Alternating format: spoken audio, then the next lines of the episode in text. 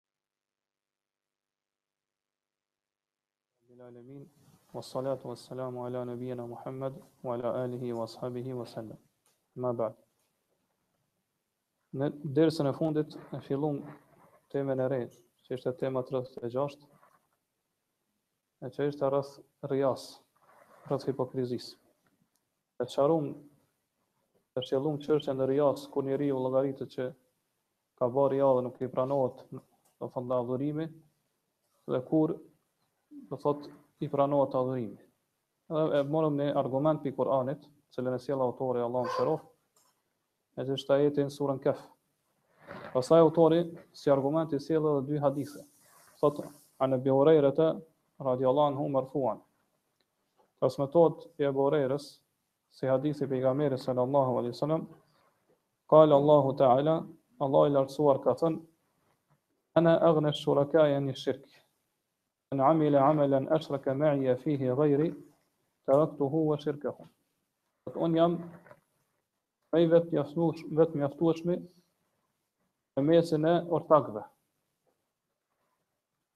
Pra, më, më i panevojshmi për shirkun në mesin e ortakëve.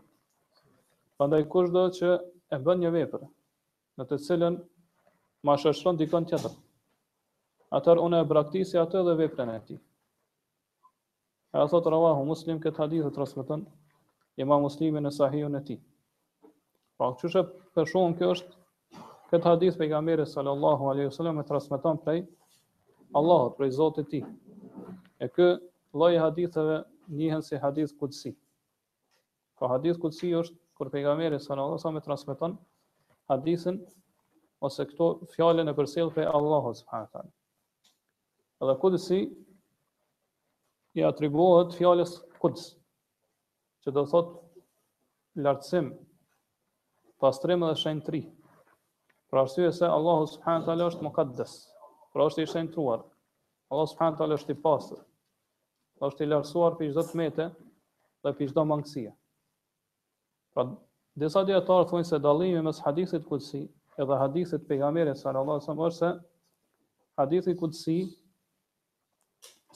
do të thonë si fjalë, edhe si kuptim është prej Allahut subhanahu teala. Mirëpo transmeton pejgamberi sallallahu alajhi wasallam prej Allahut. Kurse hadithi i pejgamberit sallallahu alajhi wasallam është që kuptimi është prej Allahut subhanahu teala. Po edhe hadithi të cilin e ka fol pejgamberi sallallahu alajhi wasallam, hadithet që nuk janë kudsij, janë shpallje prej Allahut.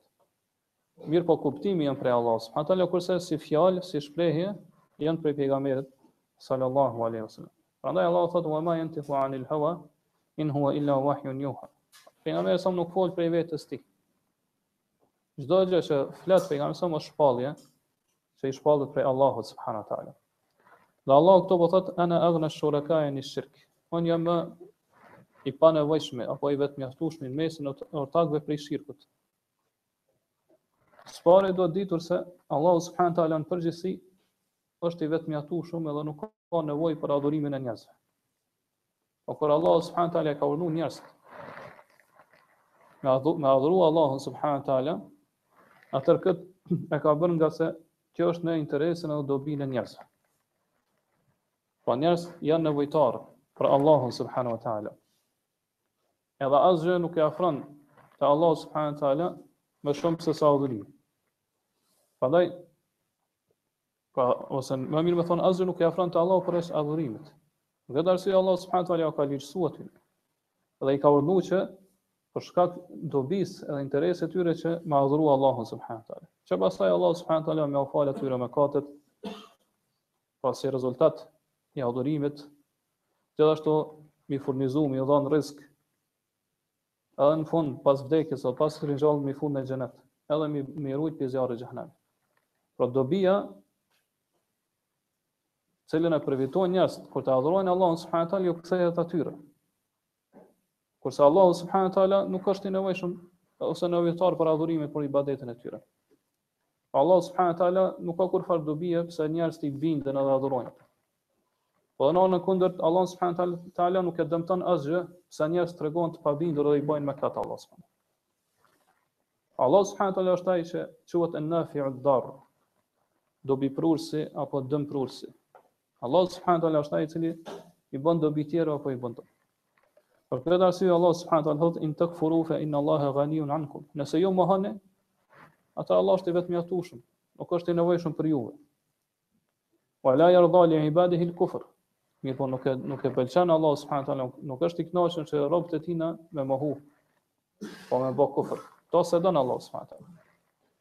Wa in tashkuru yardahu lakum. Thotë nëse ju tregoni mirënjohës, edhe falënderoni Allahun subhanahu teala pra Allahu është i kënaqur me ju.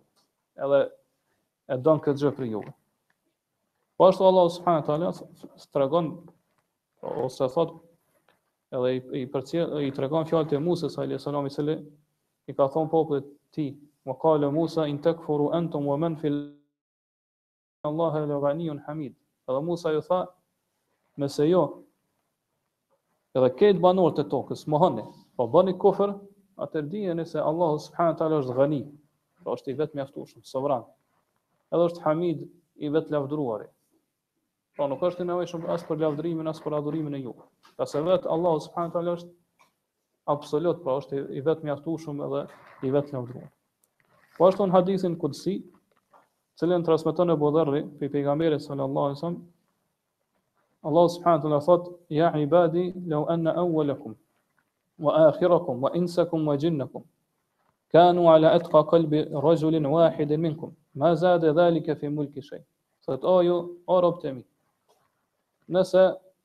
Gjithë ju, pi të parit deri të fundit. Njerëz edhe xhint së bashku. Jeni devotshëm, edhe keni frikë Allahun subhanahu teala ashtu që ka frikë Allahun subhanahu teala më i devotshëm në mesin e juaj. Thotë kjo nuk e shton asgjë sundimin edhe mbretërinë time. As pak nuk e shton.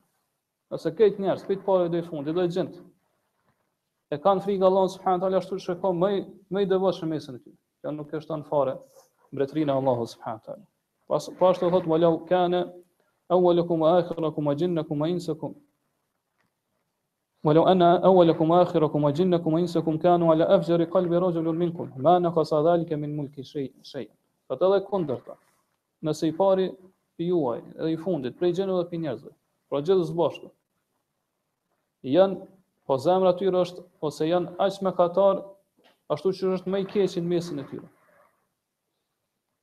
Po tregohen mëkatarë, i bojnë mëkate Allah subhanahu wa tregojnë mosbindje, ashtu që është më i keqi edhe më i pabinduri në mesin e tyre. Thotë kjo nuk e mangëson fare as pak mbretërinë time dhe sundimin.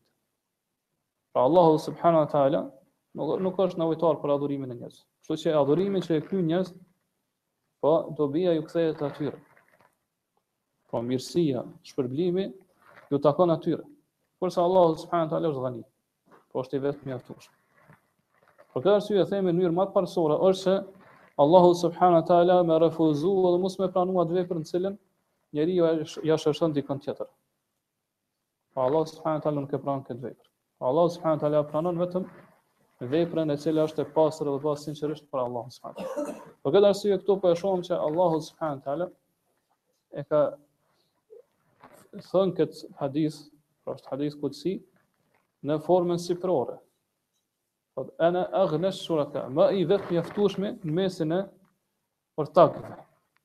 Pra aghna nuk është për ata që e dinë arabishten pak më mirë, nuk është folje në kohën e shkuar.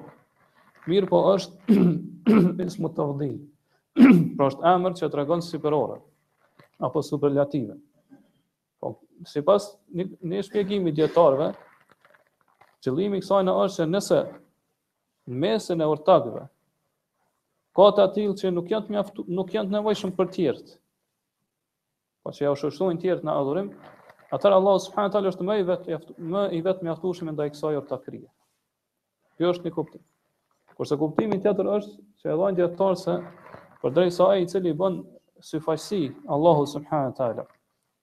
Ai që është murai, që është tregon hipokrizi. Edhe me veprën e tina, e synon, pra ka për qëllim edhe Allahun, edhe dikon tjetër. Atëherë Allahu subhanahu teala, po e qun veten e tina në këtë rast sherik. Po që ai këtë vepër e ka nda ndërmjet dikujt tjetër dhe mes Allahut subhanahu teala. Pra e ka ba Allahun ortak me tjetër. E përderisa është atëherë Allahu subhanahu teala, po tregon që ai është i vetëmjaftueshëm. Në mënyrë absolute, pra të pakufizuar. Po nuk ka nevojë fare për adhurimin e tij. Madje Allah subhanahu wa taala përmes këtij hadithi po na tregon se krejt ortakët tjerë janë nevojtar për Allah subhanahu wa taala. Madje krejt krijesat tjera. Po në çdo aspekt janë nevojtar për Allah subhanahu wa taala. Kështu që nuk i përket Allah subhanahu wa taala për shkak bujarisë tina, për shkak vetëmjaftueshmërisë tina. që është do të thotë e përsosur edhe e plot, që me pranu një vepër e cila në cilën Allah subhanahu taala i shoqërohet dikujt, i shoqërohet dikush tjetër. Kështu që përsos përsosmëria e Allahut subhanahu taala, bujaria e tij, edhe vetëmjaftueshmëria e tij kërkojnë që detyrimisht që mos m'u pranu ajo vepër që ja që njerëzit ja shoqërojnë ose ja, i bojnë shirk e shoqërojnë edhe dikon tjetër në atë vepër. Prandaj këta dijetarë thonë se kuptimi i këtij hadithi nuk është se edhe pse këtu ka ardhur në formën sipërore që të pohohet që ortakët tjerë kanë vetëmjaftueshmëri, po ka ortakë të tjerë që janë të vetëmjaftueshëm. Ngase në gjuhën arabe nganjëherë Vjen, do thotë fjalia e formuluar në këtë mënyrë, ku ka, do thotë mufadale, ku ka parapëlqim ose vlerësim të dy gjërave. Mirëpo, ajo gjëra, gjëja me cilën ka krahasohet, pra po vlerësohet ose krahasohet gjëja tjetër, nuk i takon asgjë prej këtij, prej kësaj vlere apo prej këtij krahasimi. Kjo është si rregull në gjuhën arabe. Për shembull Allahu subhanahu wa taala kur flet për ata që i adhurojnë vend të Allahut në suren Neml, në ajetin 5 thotë Allahu khairun amma yushrikun. A është Allahu më i mirë apo ata që i adhurojnë vend të Allahut subhanahu wa taala?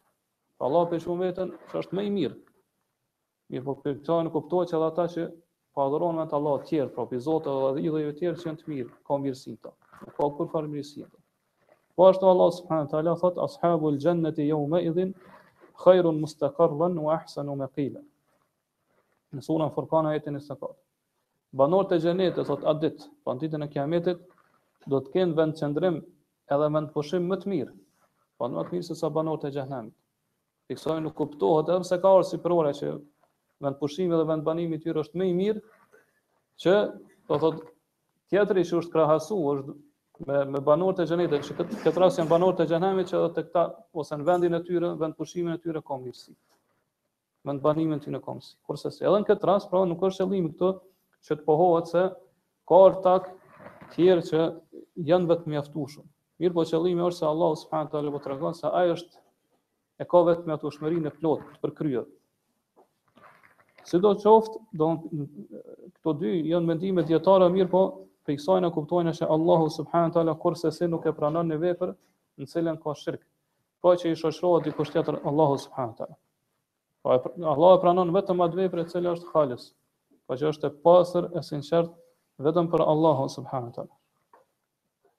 Po qysh kemi thënë dersin e kaluar, pra derisa Allahu subhanahu taala është krijuesi i vetëm, atëherë qysh ka mundësi që ti hakun drejtën e tij, pra drejtën e adhurimit me ja drejtu di me ja kushtu dikujt. Kjo nuk është drejtësi. Përkundrazi kjo është zullumi dhe padrejtësia më e madhe. Allahu subhanahu taala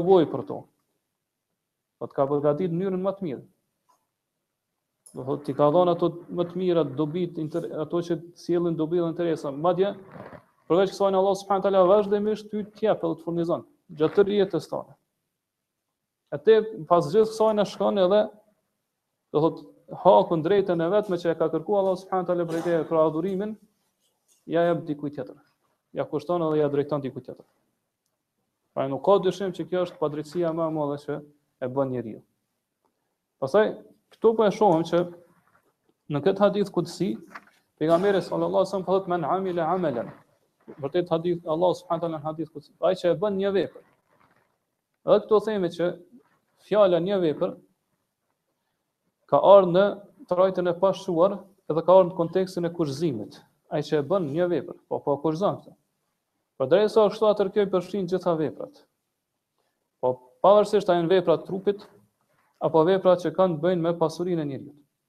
Për shembull vepra e trupit llogaritet namazi, agjërimi e kështu me radhë. Vepra që kanë të bëjnë me pasurinë janë për shembull zekati, sadaka e tjera. Mirëpo ka vepra tjera që kombinohen mes këtyre. Pra edhe janë vepra trupore edhe të pasurisë. Për shembull siç është haxhi. Për haxh, po duhet edhe me shpenzu prej pasurisë, po edhe me dhënë mundin. Duhet me me me me punu me trupin tënd. Po ashtu për shembull është xhihadi, edhe tjera prej adhurimeve. Po qëllimi kur po thotë pejgamberi sa këtu men amile amelen, kush e bën një vepër, pra ai që e nis edhe fillon një vepër.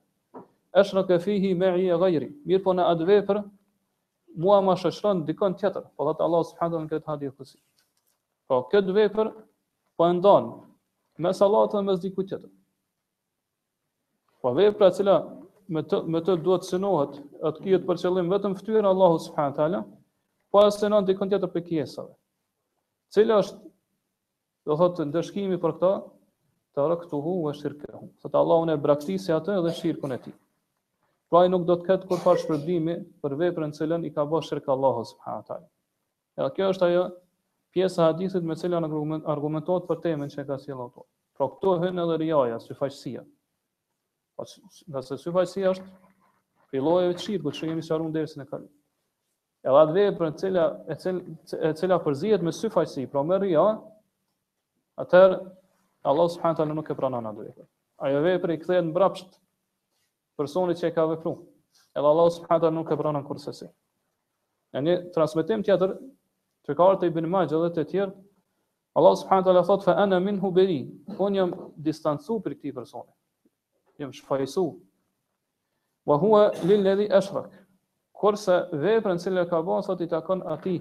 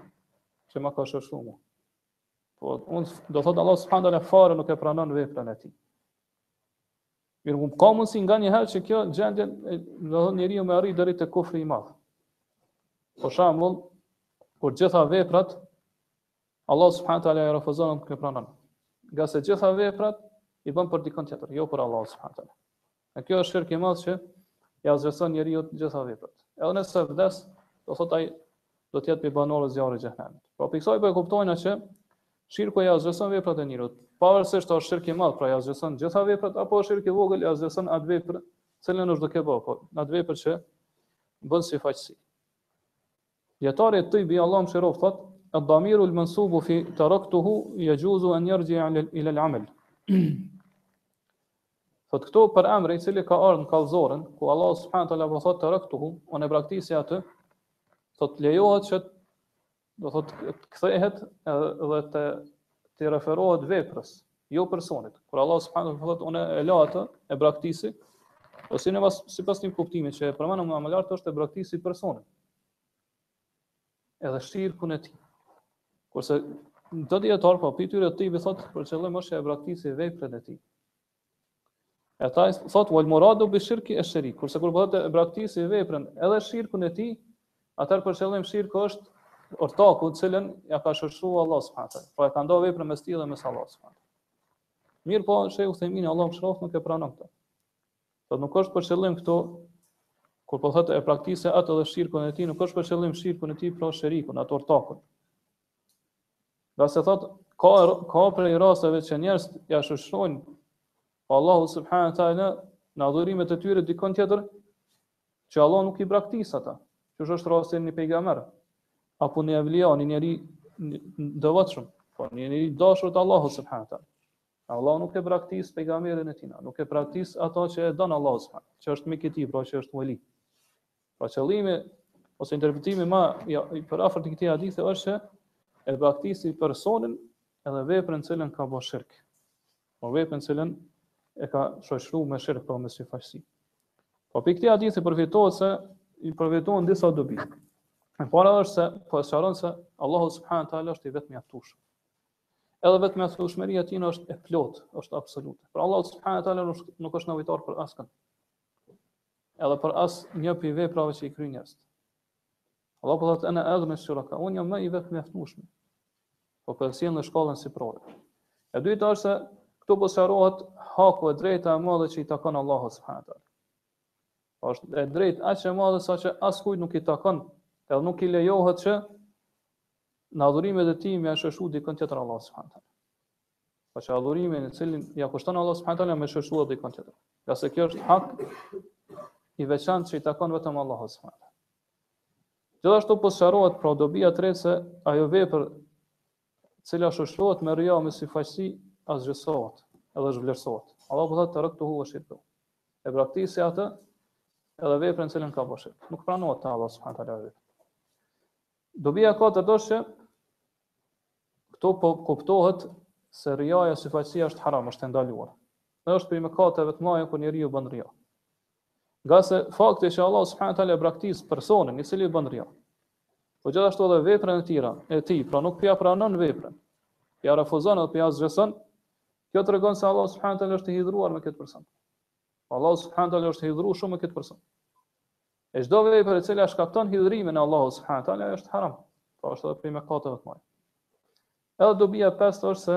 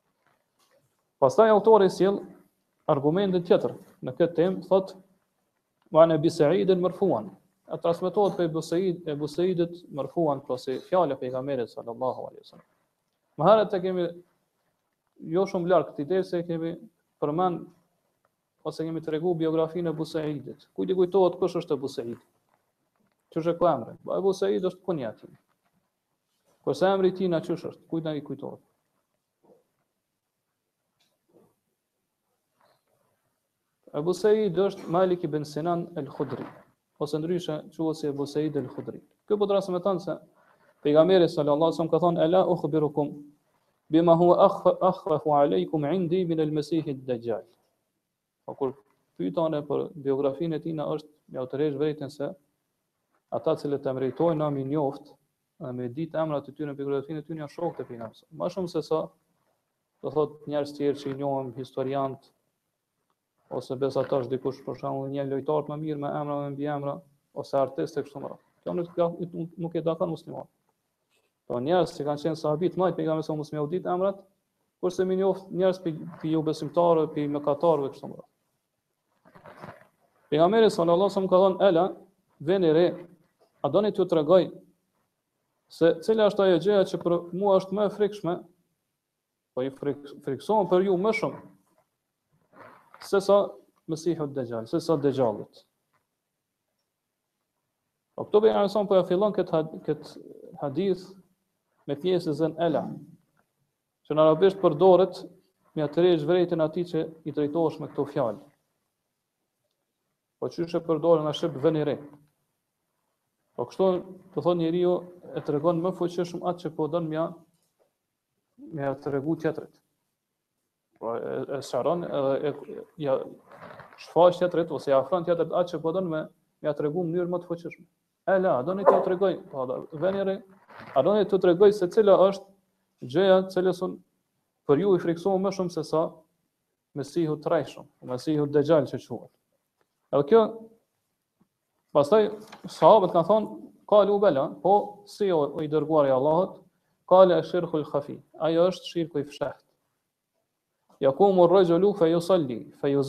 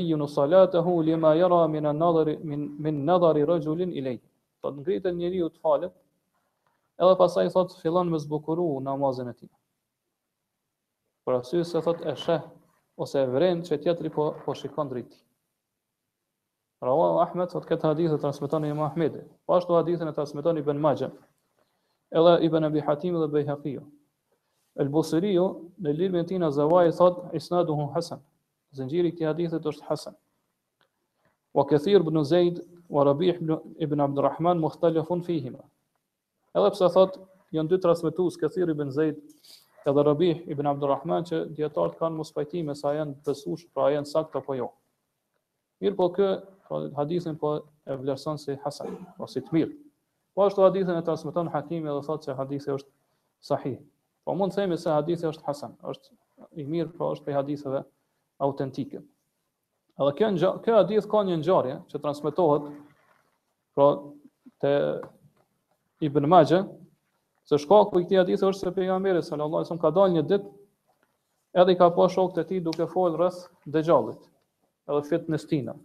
Pra ka vrejt që ata kanë shfaq një lloj frike për dëgjallin edhe fitnë që ka me ndodh në atë kohë.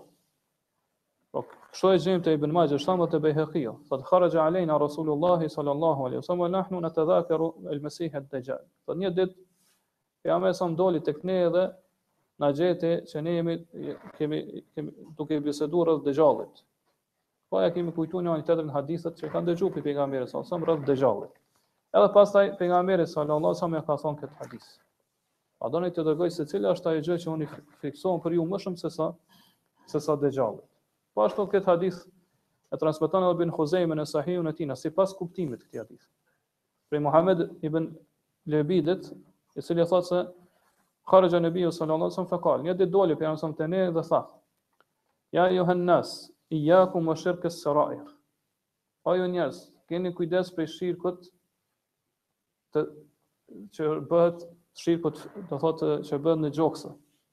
Ti shirkut i cili është i fshehtë. Pra serair janë ato sekretet apo të fshehtat e gjoksave.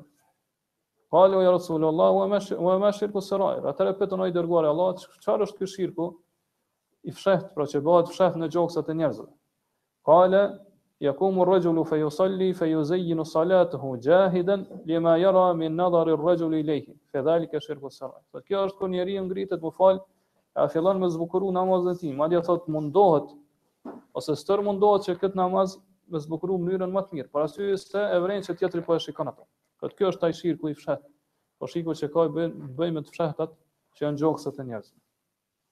Edhe do të thotë këtë ta përveç Ibn Huzejmes e transmeton edhe Bejhakiu dhe hadithi është hasan.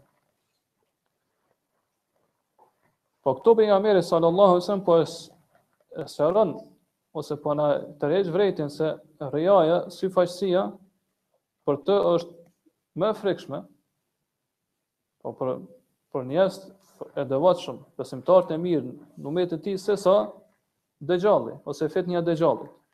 Nëse ne e dimë se pejgamberi sa sa ka pas mëshirë të madhe për besimtarët. Ai është friksu për çdo fitnë apo sprovë që mundet me i godit ata. E pa dyshim që pejgamberi na ka tregu se fitnja ma e madhe që do ndodh në tokë, është fitnja e dëgjallit. Pra Dejali siç e dimë do del në fund të kohës, edhe është prej shenjave të Kiametit. Mirëpo, pejgamberi sa sa po thotë se ai frikësohet më shumë një fitnë tjetër. Po për për, për besimtarët, për umetin e tij, i frikësohet më shumë një fitne tjetër, një sprove tjetër se sa fitnës Dejalit. E kjo është pra shirku i fshehtë. Arsyeja për këtë është se njeriu e ka shumë të vështirë t'i ikë shirkut të fshehtë. Pra e ka shumë vështirë të lirohet e të shpëtojë prej prej shirkut të fshehtë pra prej rrias. Për këtë arsye disa prej selefëve kanë thonë ma jahadtu nafsi ala shay'in mujahadataha ala ikhlas. Për asnjë gjë nuk e kam luftu shpirtin tim, nefsin tim më shumë se sa për ikhlasin, se sa për sinqeritetin.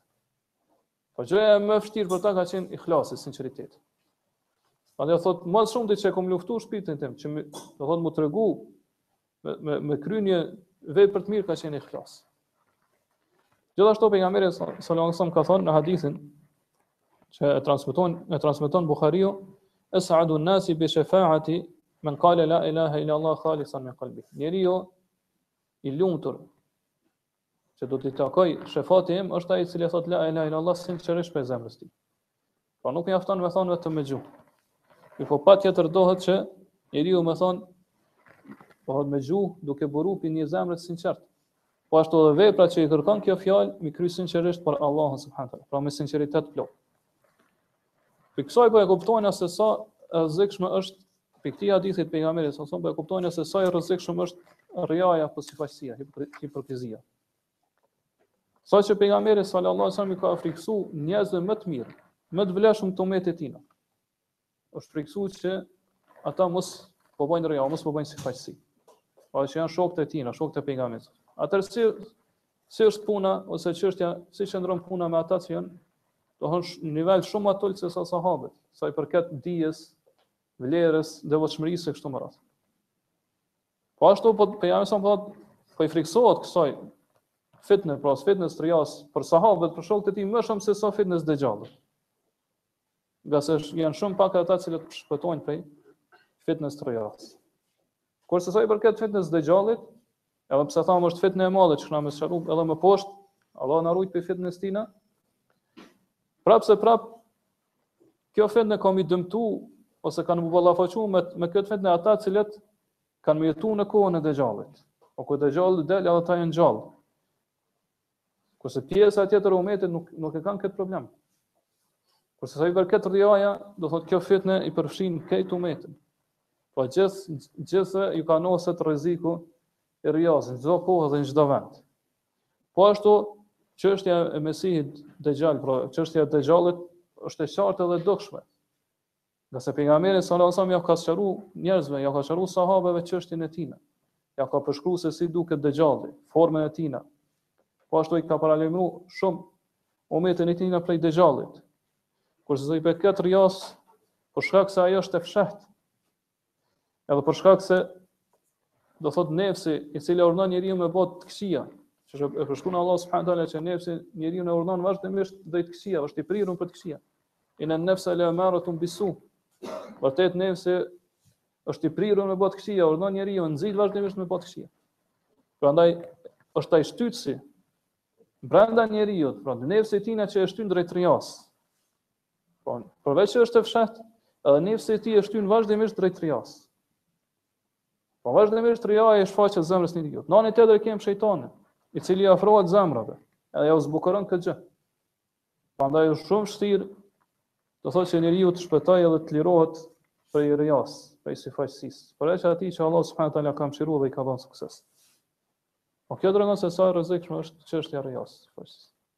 Për këtë arsye Pejgamberi i ka friksu më shumë se sa Dexhallit, se sa fitnës Dexhallit. Edhe pse nuk ka fitnë në tokë më të madhe, prej njeriut të parë deri në të fundit se se Dexhalli. E keqja tjetër ose rreziku tjetër i rijasë është se ky lloj i shirkut pra e çon njeriun, e dërgon njeriun gradualisht hap pas hapi që mu zhvesh edhe mu, me largu prej vetes ndjesinë që është nën mbikëqyrjen e Allahut subhanahu taala. Edhe do të thotë kthehet edhe llogari do të thotë bjen në atë gjendjen që vazhdimisht e ka ndjesinë që është nën mbikëqyrjen e njerëzve. Po problemi i tina është se çfarë njerëz po flasin për to, çfarë njerëz, çysh njerëz po e shohin ato. E pa dyshim kjo është një rrezik i madh. Për këtë arsye Pejgamberi po i frikësohet rijasë më shumë më shumë se sa Dexhallit. Pastaj për me kuptu më mirë, do thot edhe më shumë rrezikun e rijasë, duhet me kuptu rrezikun njëkohësisht edhe Dexhallit, se çfarë rreziku të madh ka Dexhalli. Po Pejgamberi s'pari po e quan el Mesihu Dexhall. Mesihu Rrenacak, gënjeshtar. Është quajt Mesih, për arsye se është marrë prej fjalës memsuhul ajn, pra që një sy e ka të verbët. Po, qysh ka në hadith, syrin e djathtë të tina, do thot e ka të fshirë, po memsuh do thot i fshirë, e ka të verbët. Pejgamberi sallallahu këtu po e përshkrun Dexhallin me dy të meta, Po s'pari që është memsuhul ajn el jumna, pra syrin e djathtë tina e ka të fshirë. Do thotë e ka të verbër. Ose disa dijetarë thotë quhet Mesih për shkak shpejtësisë së madhe me cilën udhëton në tokë. Po qëllimi është që jemsahul arda bi sura. Po e fshin tokën, po udhëton nëpër tokë me shpejtësi të madhe. Po këtu Pejgamberi po e përmend një, dobi, një të metë fizike të Dexhallit. Në një hadith tjetër, pejgamberi sallallahu alejhi ve selem ka thonë edhe hadithin transmeton, e transmeton Buhariu dhe Muslim, Muslimi, inna Allahe la jakhfa alejkum, kur i paralajmëron shokët e tij dhe umetin prej Dexhallit, thot, Allahu nuk fshehet prej juve,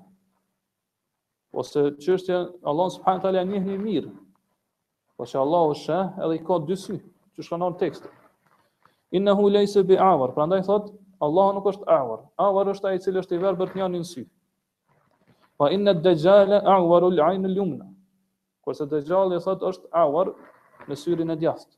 Pra syrin e djathtë e ka të verbër kurse me të majtën sheh. E meta e dytë që po e përmend pejgamberi për Dexhallin është nuk është e metë fizike, mirëpo është e metë në kuptimore, pra në kuptim, domethënë. E që është dexhall. Po dexhall është në formën që tregon hiperbolizim, po që është gënjeshtar dhe rrenc i madh. Ose është qujt Dexhall, për arsye se, kështu Pejgamberi po thotë që, kjo cilësi e tina, ose ky tipar i tina, nuk i ndahet atij kurrë, pra që është rrena dhe gënjeshtra. Pra ai vazhdimisht mashtron, ai vazhdimisht gënjen. Po vazhdimisht është rrenacak edhe mashtrues i tjerëve. Edhe Dexhalli është njeri, sikurse gjithë njerëzit tjerë. Mirëpo Allahu subhanahu wa taala me urtësinë e tina, e lejan që Dexhalli, Dexhalli me dalë në fund t'kohës edhe m'i sprovu njerëzit me të, m'i fitnosë.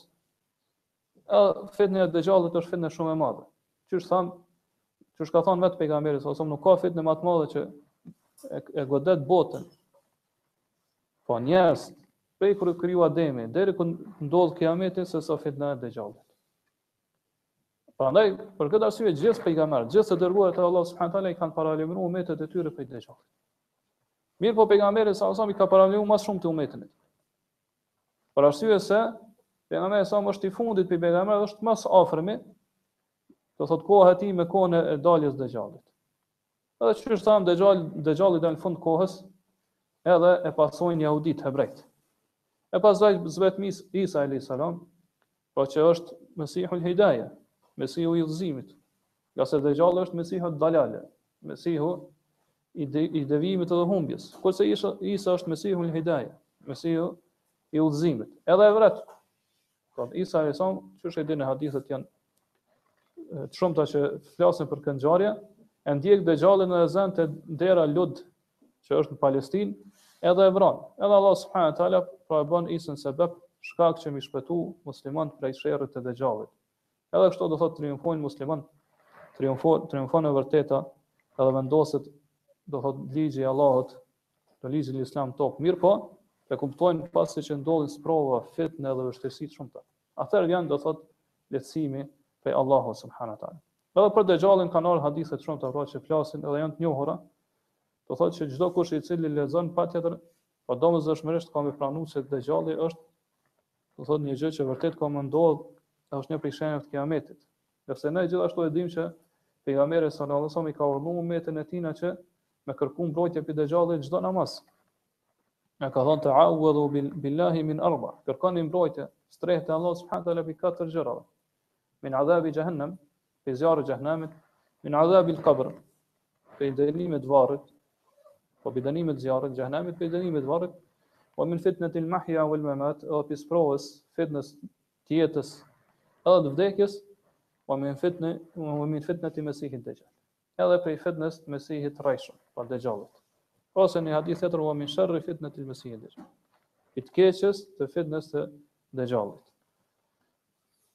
Këto po e përmendëm ngase disa njerëz janë mundu që me mohu ardhjen e Dexhallit, ose ekzistencën e Dexhallit si fitne, si sprovë për njerëz që do ndodhë para kiametit. E kanë thënë se hadithet që transmetohen për Dexhallit, rës, për, që e përshkruajnë Dexhallin janë kontradiktore. Prandaj nuk mundem m'i besu atyre haditheve. Për, prej dyshimeve që i sjellin është se qysh ka mundësi që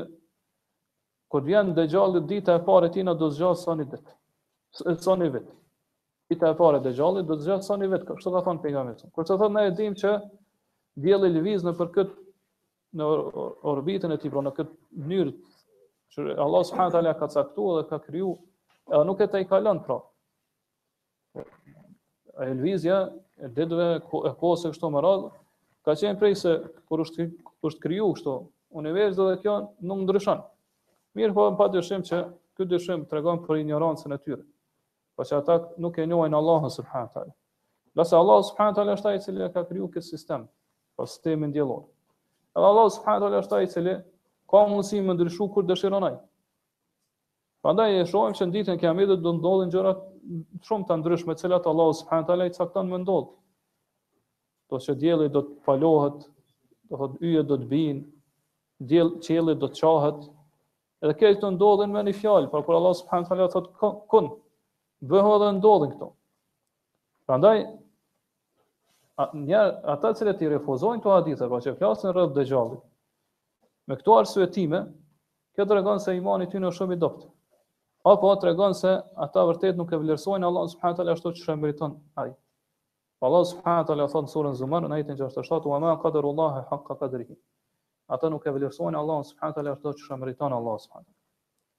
Pra ne si muslimanë besojmë se Dexhali do dalë në fund kohës, edhe do ndodhin me daljen e tij ngjarje e fitne ndryshme, siç janë pohu prej pejgamberit sallallahu alaihi wasallam. Gjithashtu besojmë se Allah subhanahu wa taala është i fuqishëm për çdo gjë.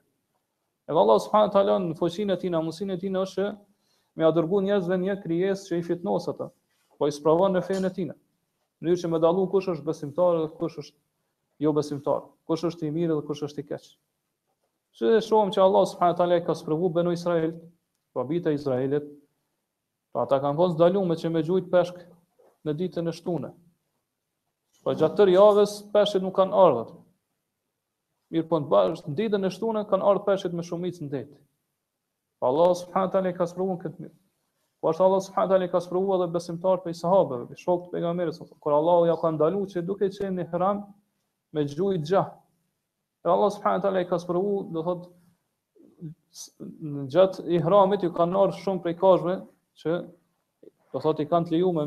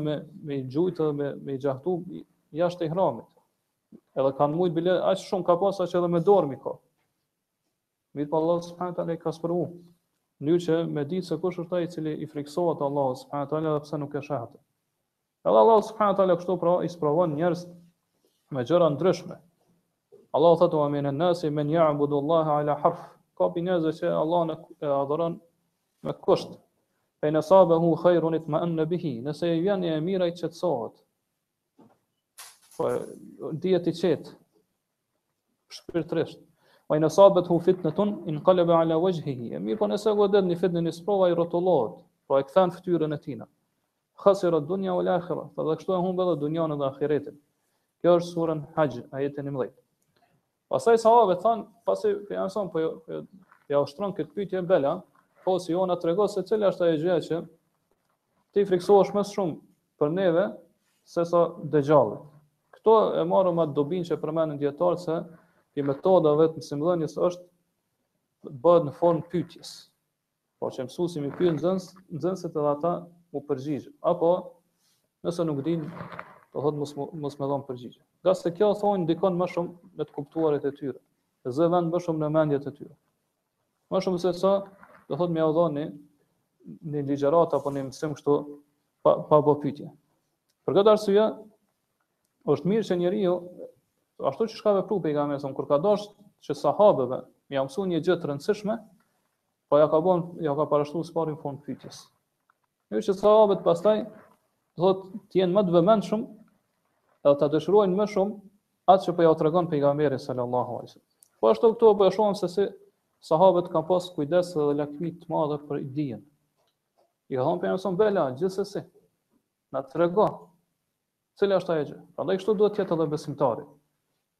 Po duhet të jetë të ketë e të jetë i etshëm për dijen, po të ketë lakmi. Vazhdimisht do thotë ta dëshirojë dijen, sidomos kur dikush ta ofron ty një dije që ka të bëjë me nimetet tona. Atëherë ti nuk duhet me refuzu ato. Ti po duhet me pranu. Edhe me marr atë mësim që po ta jep vëllai yt musliman. Pastaj pejgamberi sa sa më gjithë sa po e sqaron me fjalët e tina esh-shirkul khafi. Kjo gjë që unë i frikësohem për ju më shumë sesa mesihit të rrejshëm, dexhallit, për nasakut, për gënjështarit, është shirku i fshehtë. Prej kësaj po kuptojmë që shirku është dy lloje.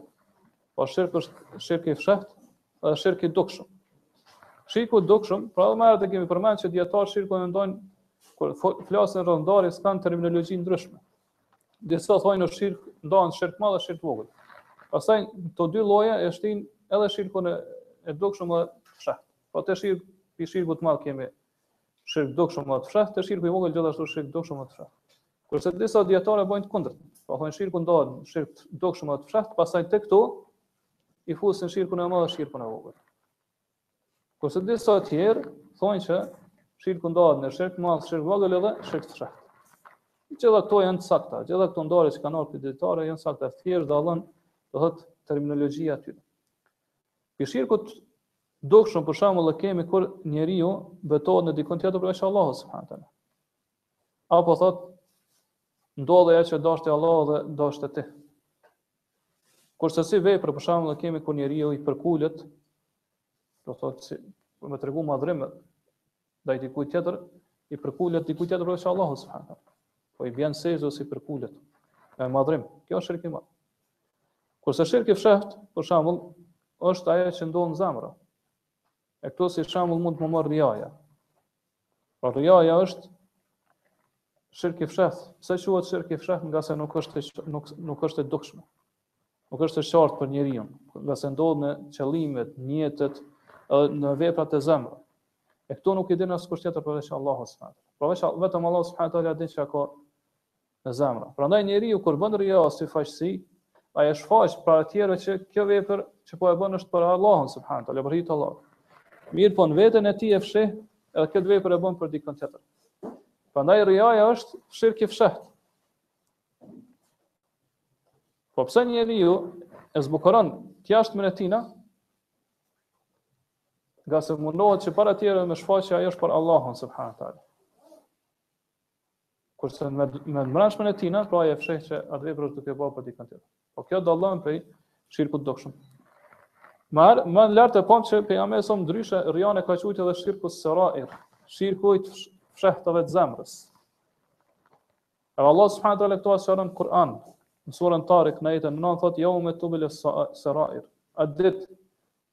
do të shfaqen, do njerëz do të do të shpërblehen ose ndëshkohen në bazë të fshehtave, në bazë të asaj që kanë pas në gjoks ato në zemrat e tyre.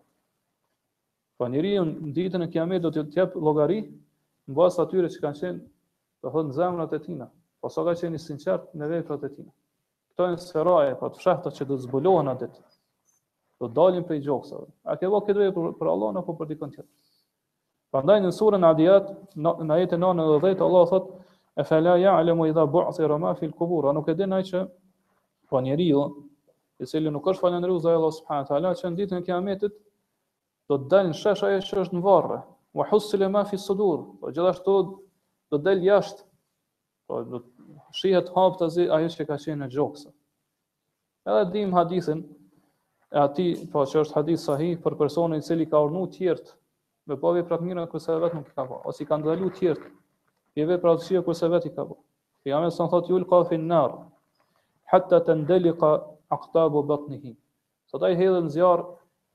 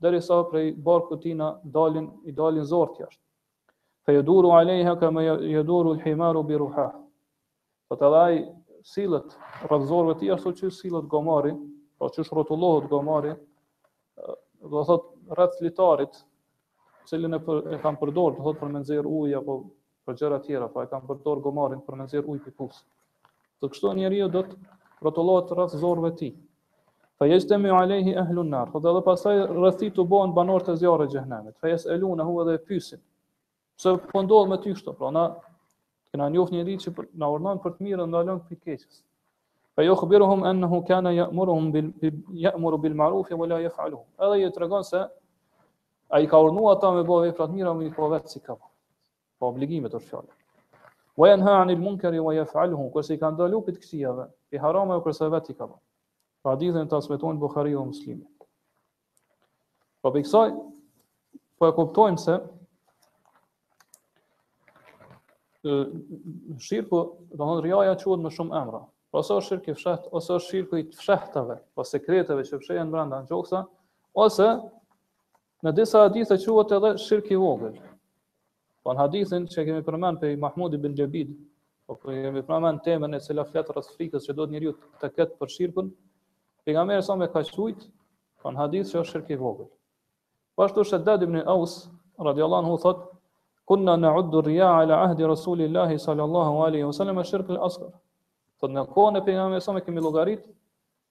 Edhe e kemi numëru, e kemi e kemi numëruar um, rian si faqësin si shirk të vogël.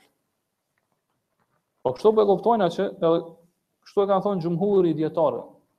Po që riaja po në mënyrë të përgjithshme është shirk i vogël.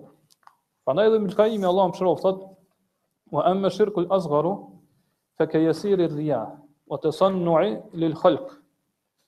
Thot shirku i vogël është, si shembull për shirkun e vogël mund ta përmendim rian e pakt, të lehtë që e bën njeriu. Ose thot kur njeriu tregohet fals para të tjerëve. Po pra në njëfarë mënyre nuk e tregon atë fytyrën e tij të vërtetë.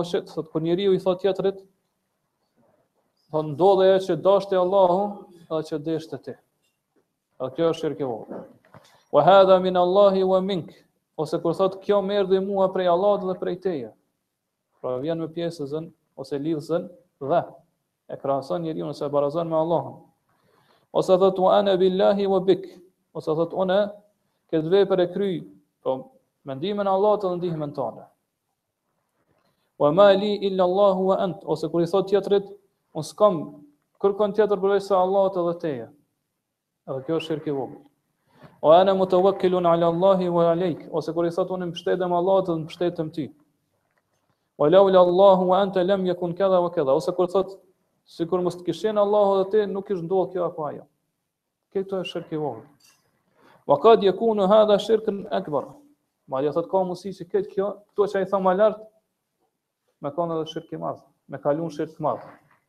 Bi hasabi hali qailihi wa maqsadihi. Varet thotë se si është gjendja edhe qëllimi i atij që i thotë. Ka mundësi që krejt ato që i përmendëm më lart me kalu n'shirk të madh. Po këtu po e shohim që Ibn Kaimi shirkun e vogël po e komenton se është riaja e pakt. Po kjo po na tregon se nëse riaja është e shumtë, atëherë kalon në shirk të madh.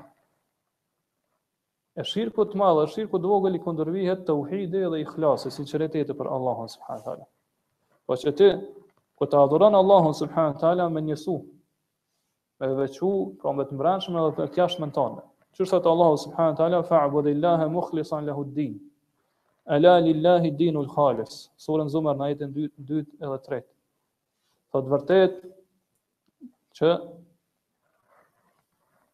e gjithë feja ose adhuroj Allahun subhanahu teala thotë sinqerisht. Po me sinqeritet plot. Pra që adhurimin ton t'ia kushtosh Allahu subhanahu teala me sinqeritet plot. E thot ela veni re që feja, pra adhurimi i sinqert i takon vetëm Allahut subhanahu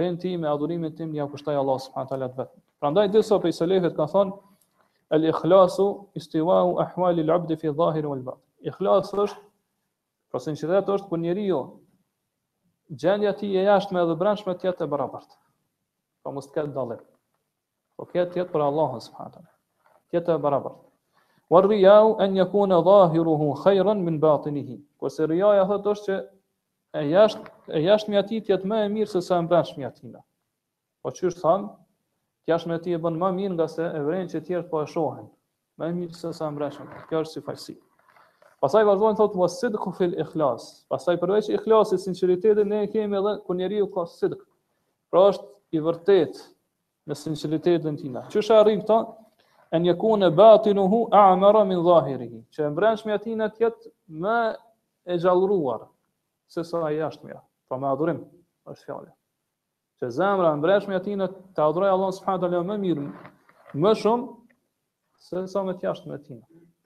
Pra sinqeriteti të jetë më i madh mbrena se sa jashtë. Pastaj pejgamberi po vazhdon po shpjegon thot yakumu rajulu fa yusalli fa yuzayyinu salatahu. Njeriu ngritet mu fal, burri. Ngritet falet thot edhe e zbukuron namazin e tij. Ktu edhe pse pejgamberi po e përmend burrin, dot ktu e përfshin edhe gruan. Po si burri si gruaja janë të njëjtë në këtë çështje. Mirë po pse pejgamberi sa po e veçon këtu me burr, atëherë arabisht asaj i thonë mefhumul lekab, pra që vendimi dhe gjykimi i takon atij që është më i ngritur. Prandaj edhe është veçu këtu burri. Po është thjesht si shembull që merr. Po ndryshe këtu përfshihet edhe gruaja.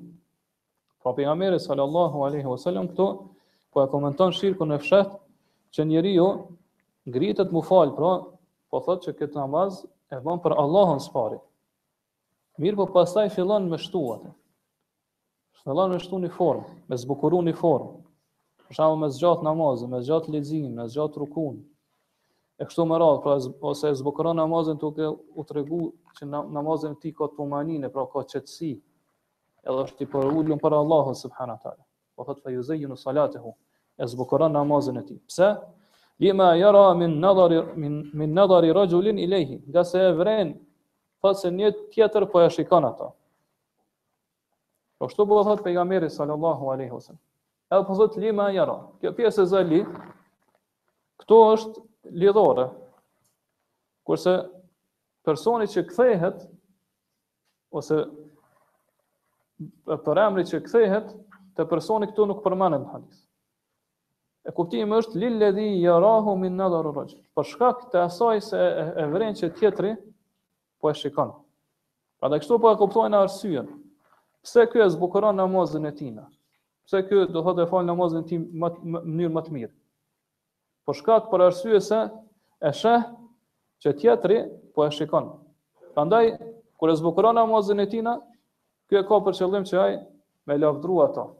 Për shembull, para tjerëve, me fjalët e tina, me gjuhën e tina me lavdru, me than filani, mashallah po falet mirë. Apo që me pas vend në zemrën e tina,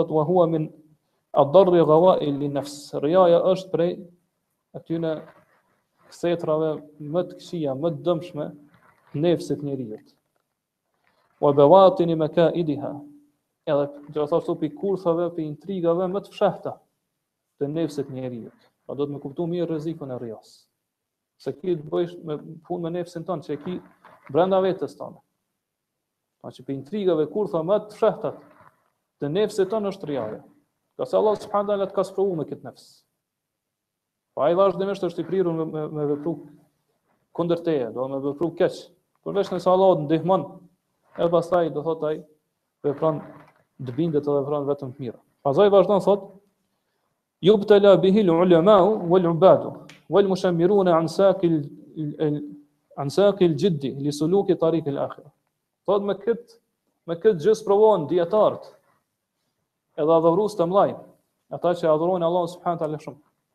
Thot edhe ata që e dhojnë mundin e tyre në maksimum për me të, për me tregu, do thot me tregu at seriozitetin e tyre. Pra janë serioz në rrugën të cilën e ndjekun për në ahiret.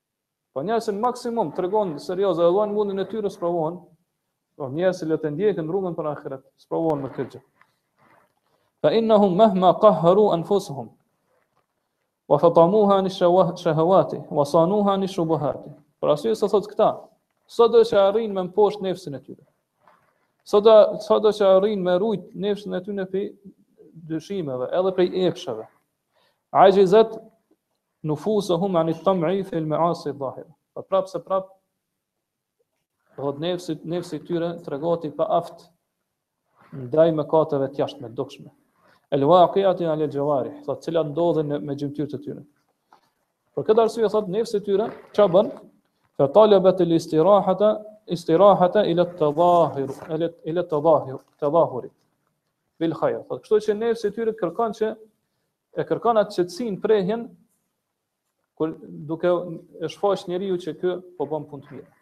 Po kështu njeriun nefsi i vet e detyron. Ngase nuk mundet me përballu, siç thonë dijetarët.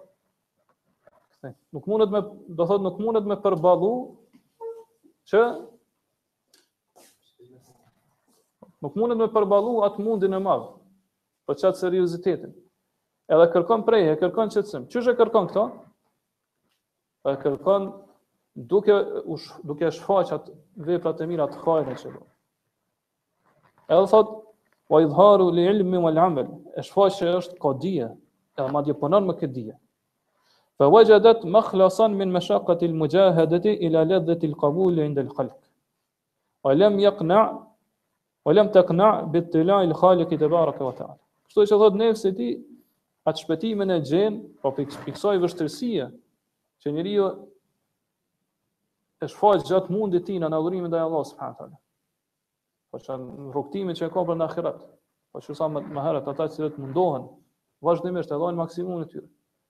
Nefsi i tyre thot e gjen shpëtimin duke ikë prej ksaj vështirësie në në kënaqësinë që e gjen kur njerëzit e pranojnë. Po, pranimi i njerëzve. Ktu e gjen nefsi, do thot atë rahatinë dhe qetësinë. Dhe nefsi i njeriu thot nuk është i kënaqur që Allah subhanahu taala është duke shikuar krijuesit e tij.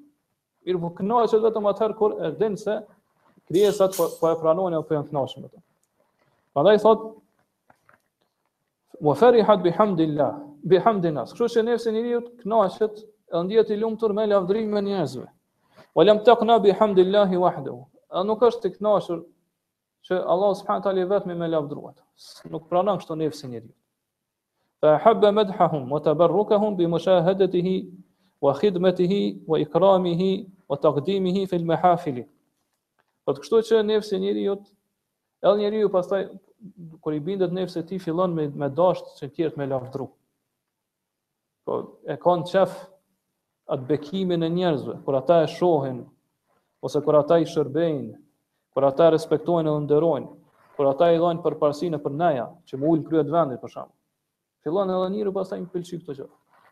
Thot, fe asabet i nefsu, fe asabet i nefse fi dhalike, adhamu ladhat, wa adhamu shubuhat. Thot kështu, shpirtin e njeriut, kur është n'këtë gjendje, e godet,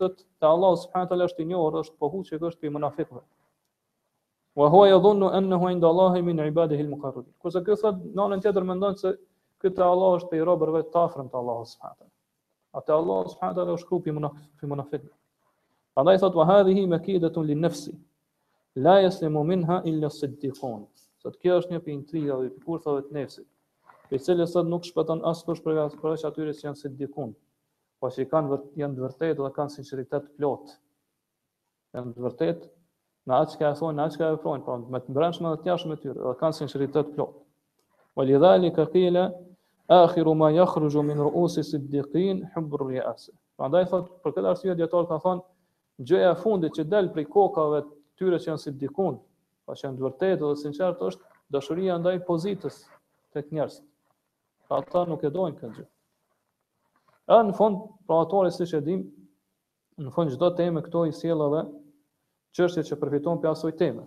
Edhe thot fihi mesail, në këtë temë përfitohen disa çështje. El ula tafsiru ayatil kaf. E para është komentimi dhe interpretimi i ajetit të surës Kaf. E kemi përmendur edhe më herët gjatë dersave që prej këtij ajeti përfitohen shumë dobi. E para është që tregon se pejgamberi sa është njeri, edhe nuk i takon nuk i takon asgjë prej rububisë edhe uluhijës.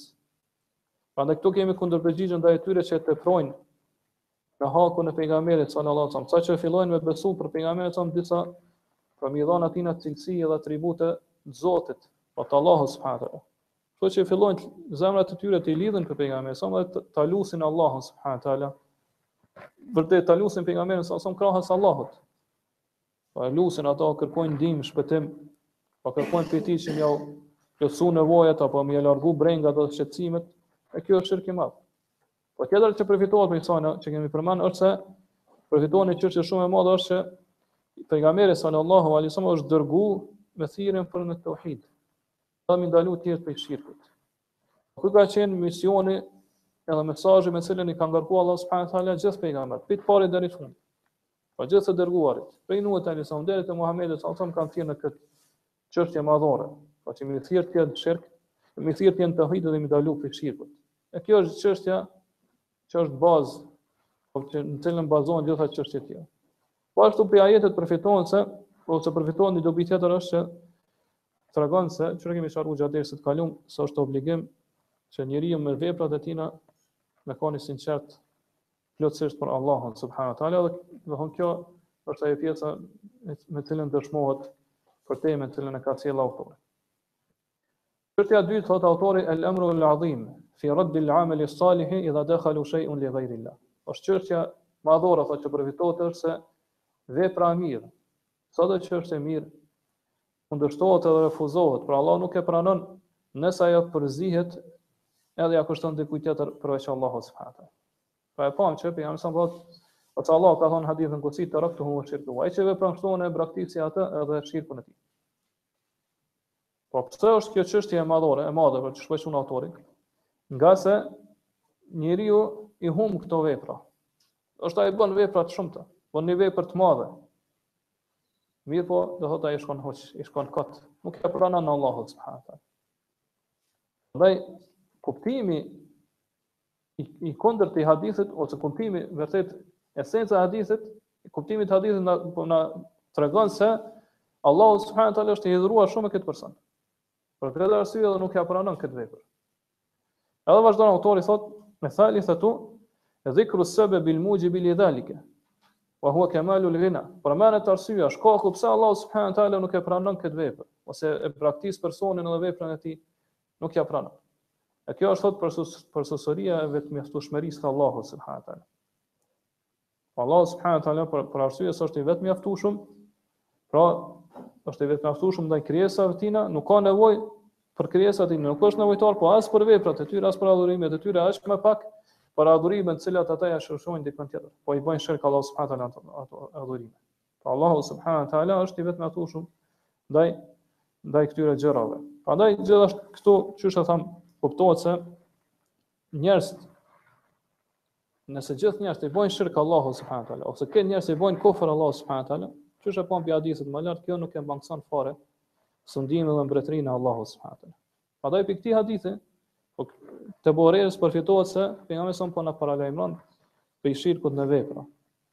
Apo na tregon se është shkak që njeriut me iu refuzu veprat dhe mos me u pranu te Allahu, pa marrë parasysh a është shirk i madh, pra që asgjëson gjitha veprat, apo është shirk i vogël, që asgjëson atë vepër, të cilën e vepron. E prej kësaj, prej shirkut të vogël është edhe riaja, syfaqësia.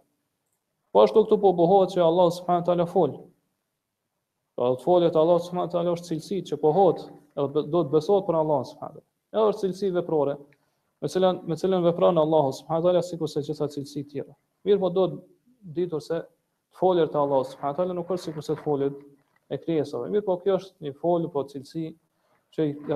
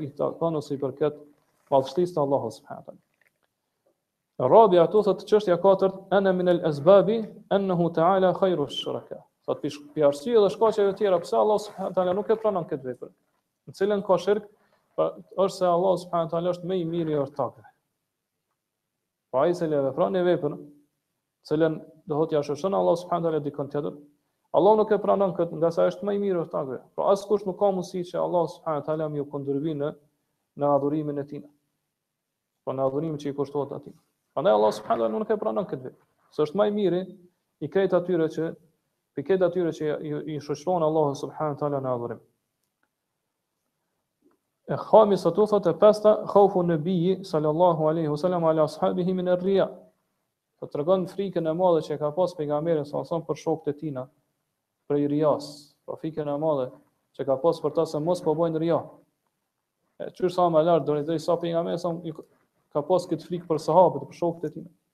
Me gjithë dijen e madhe që kanë pas ata. Imanin e madh të ngritur. Pa po vlerën e madhe.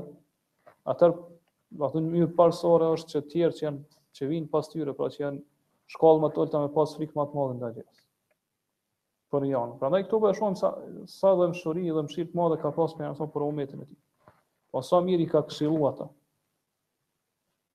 Saqë do thotë është friksu më shumë për ta prej rias sesa prej Mesihit pra Dexhallit. Po ashtu pejgamberi sa po na tregon se riaja është diçka që më shumë duhet t'i friksohen njerës ata që mundohen me kanë njerës të mirë, po besimtar të mirë, të devotshëm ndaj Allahut subhanahu teala. Po do thotë me iu friksu rias më shumë sesa fitnes Dexhallit. Prandaj duhet vazhdimisht njeriu të ketë kujdes, të ruhet prej rias dhe prej gjitha llojeve të shirkut, pa marrë parasysh është shirk i madh apo shirk i vogël. Edhe në fund thotë es-sadisatu e gjashta që përfitohet këtu ennehu fassara zalika fassara zalika bi an al mar'a yusalli lillah. Thot pejgamberi sa sa po e komenton rian. Çka është riaja?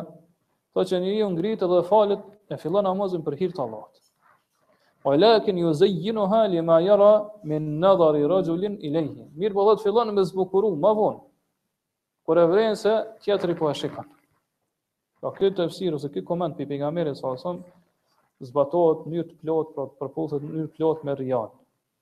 Prandaj edhe pejgamberi salam ka pas frikë më shumë rijan për umetin e tij se sa dexhallin. Edhe këtu autori nuk po përmend që çështjen që pejgamberi salam ka friksu edhe fitnën e dexhallit për umetin e tij. Ngase këtu vendi e kërkon që m'u përmend vetëm rijaja, ngase tema është duke fol për rijan. Pra kësaj e ka friksu pejgamberi sallallahu alajhi wasallam për umetin e tij. Gjithashtu prej dobive tjera që përfiton është se Që u tha më lartë që shirku ndahet në shirk të dukshëm dhe shirk të fshehtë. Ngase vetë pejgamberi salam në këtë hadithin e fundit, po thotë esh-shirkul khafi. Pra përderisa ka shirk të fshehtë, atëherë po e kuptojmë që ka prej shirkut që është i dukshëm. Kurse sa i përket rijasë, atëherë rijaja hin në shirkun e fshehtë, që është sqaru më lartë ngase ka të bëjë me zemrat, ka të bëjë me nijetet, me qëllime që janë n'zemrat e njerëzve. Për këtë arsye, pejgamberi salam ka thonë, esh-shirku fi hadhihil umme,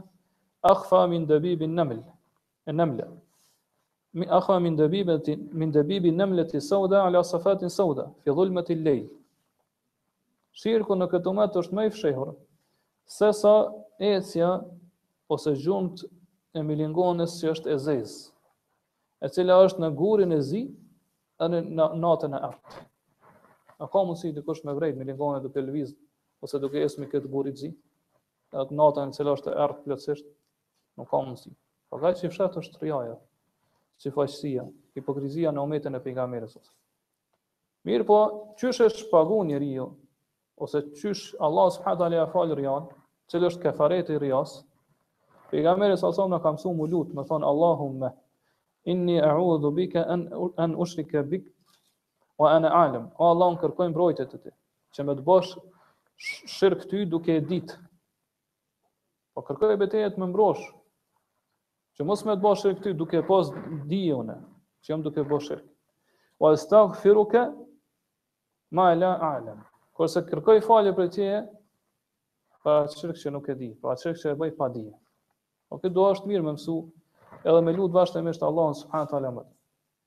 Po ashtu edhe sahabët kanë kanë pas frikë të madhe prej këtij shirku. Pra prej shirkut të fshehtë, shirkut të vogël që është rijaja. Prandaj duhet ditur se sa më i madh që është imani, besimi i njeriut, bindja e tij, aq më më më e fortë ka me qenë edhe frika prej rijasë. Edhe frika prej gjitha llojeve të shirkut. Sa më i dobët është imani i njeriut, Aq më e dobët ka me qenë, ose aq më e vogël ka me qenë edhe frika e tij prej rijasë. Edhe këtu përfundon këtë kjo temë. A inshallah në derse të ardhshme do ta fillojmë një temë të re që është e ndërlidhur me këtë temë, e që është babun min esh-shirki iradatul insani bi bi amalihi dunya. Tema e cila tregon se prej shirkut gjithashtu është kur njeriu Me veprat e tij e ka për qëllim jetën e kësaj bote, pra dunjanë, jo ahiretin. Allahu a'lem, wa sallallahu ala nabina Muhammad wa ala alihi wa ashabihi wa sallam.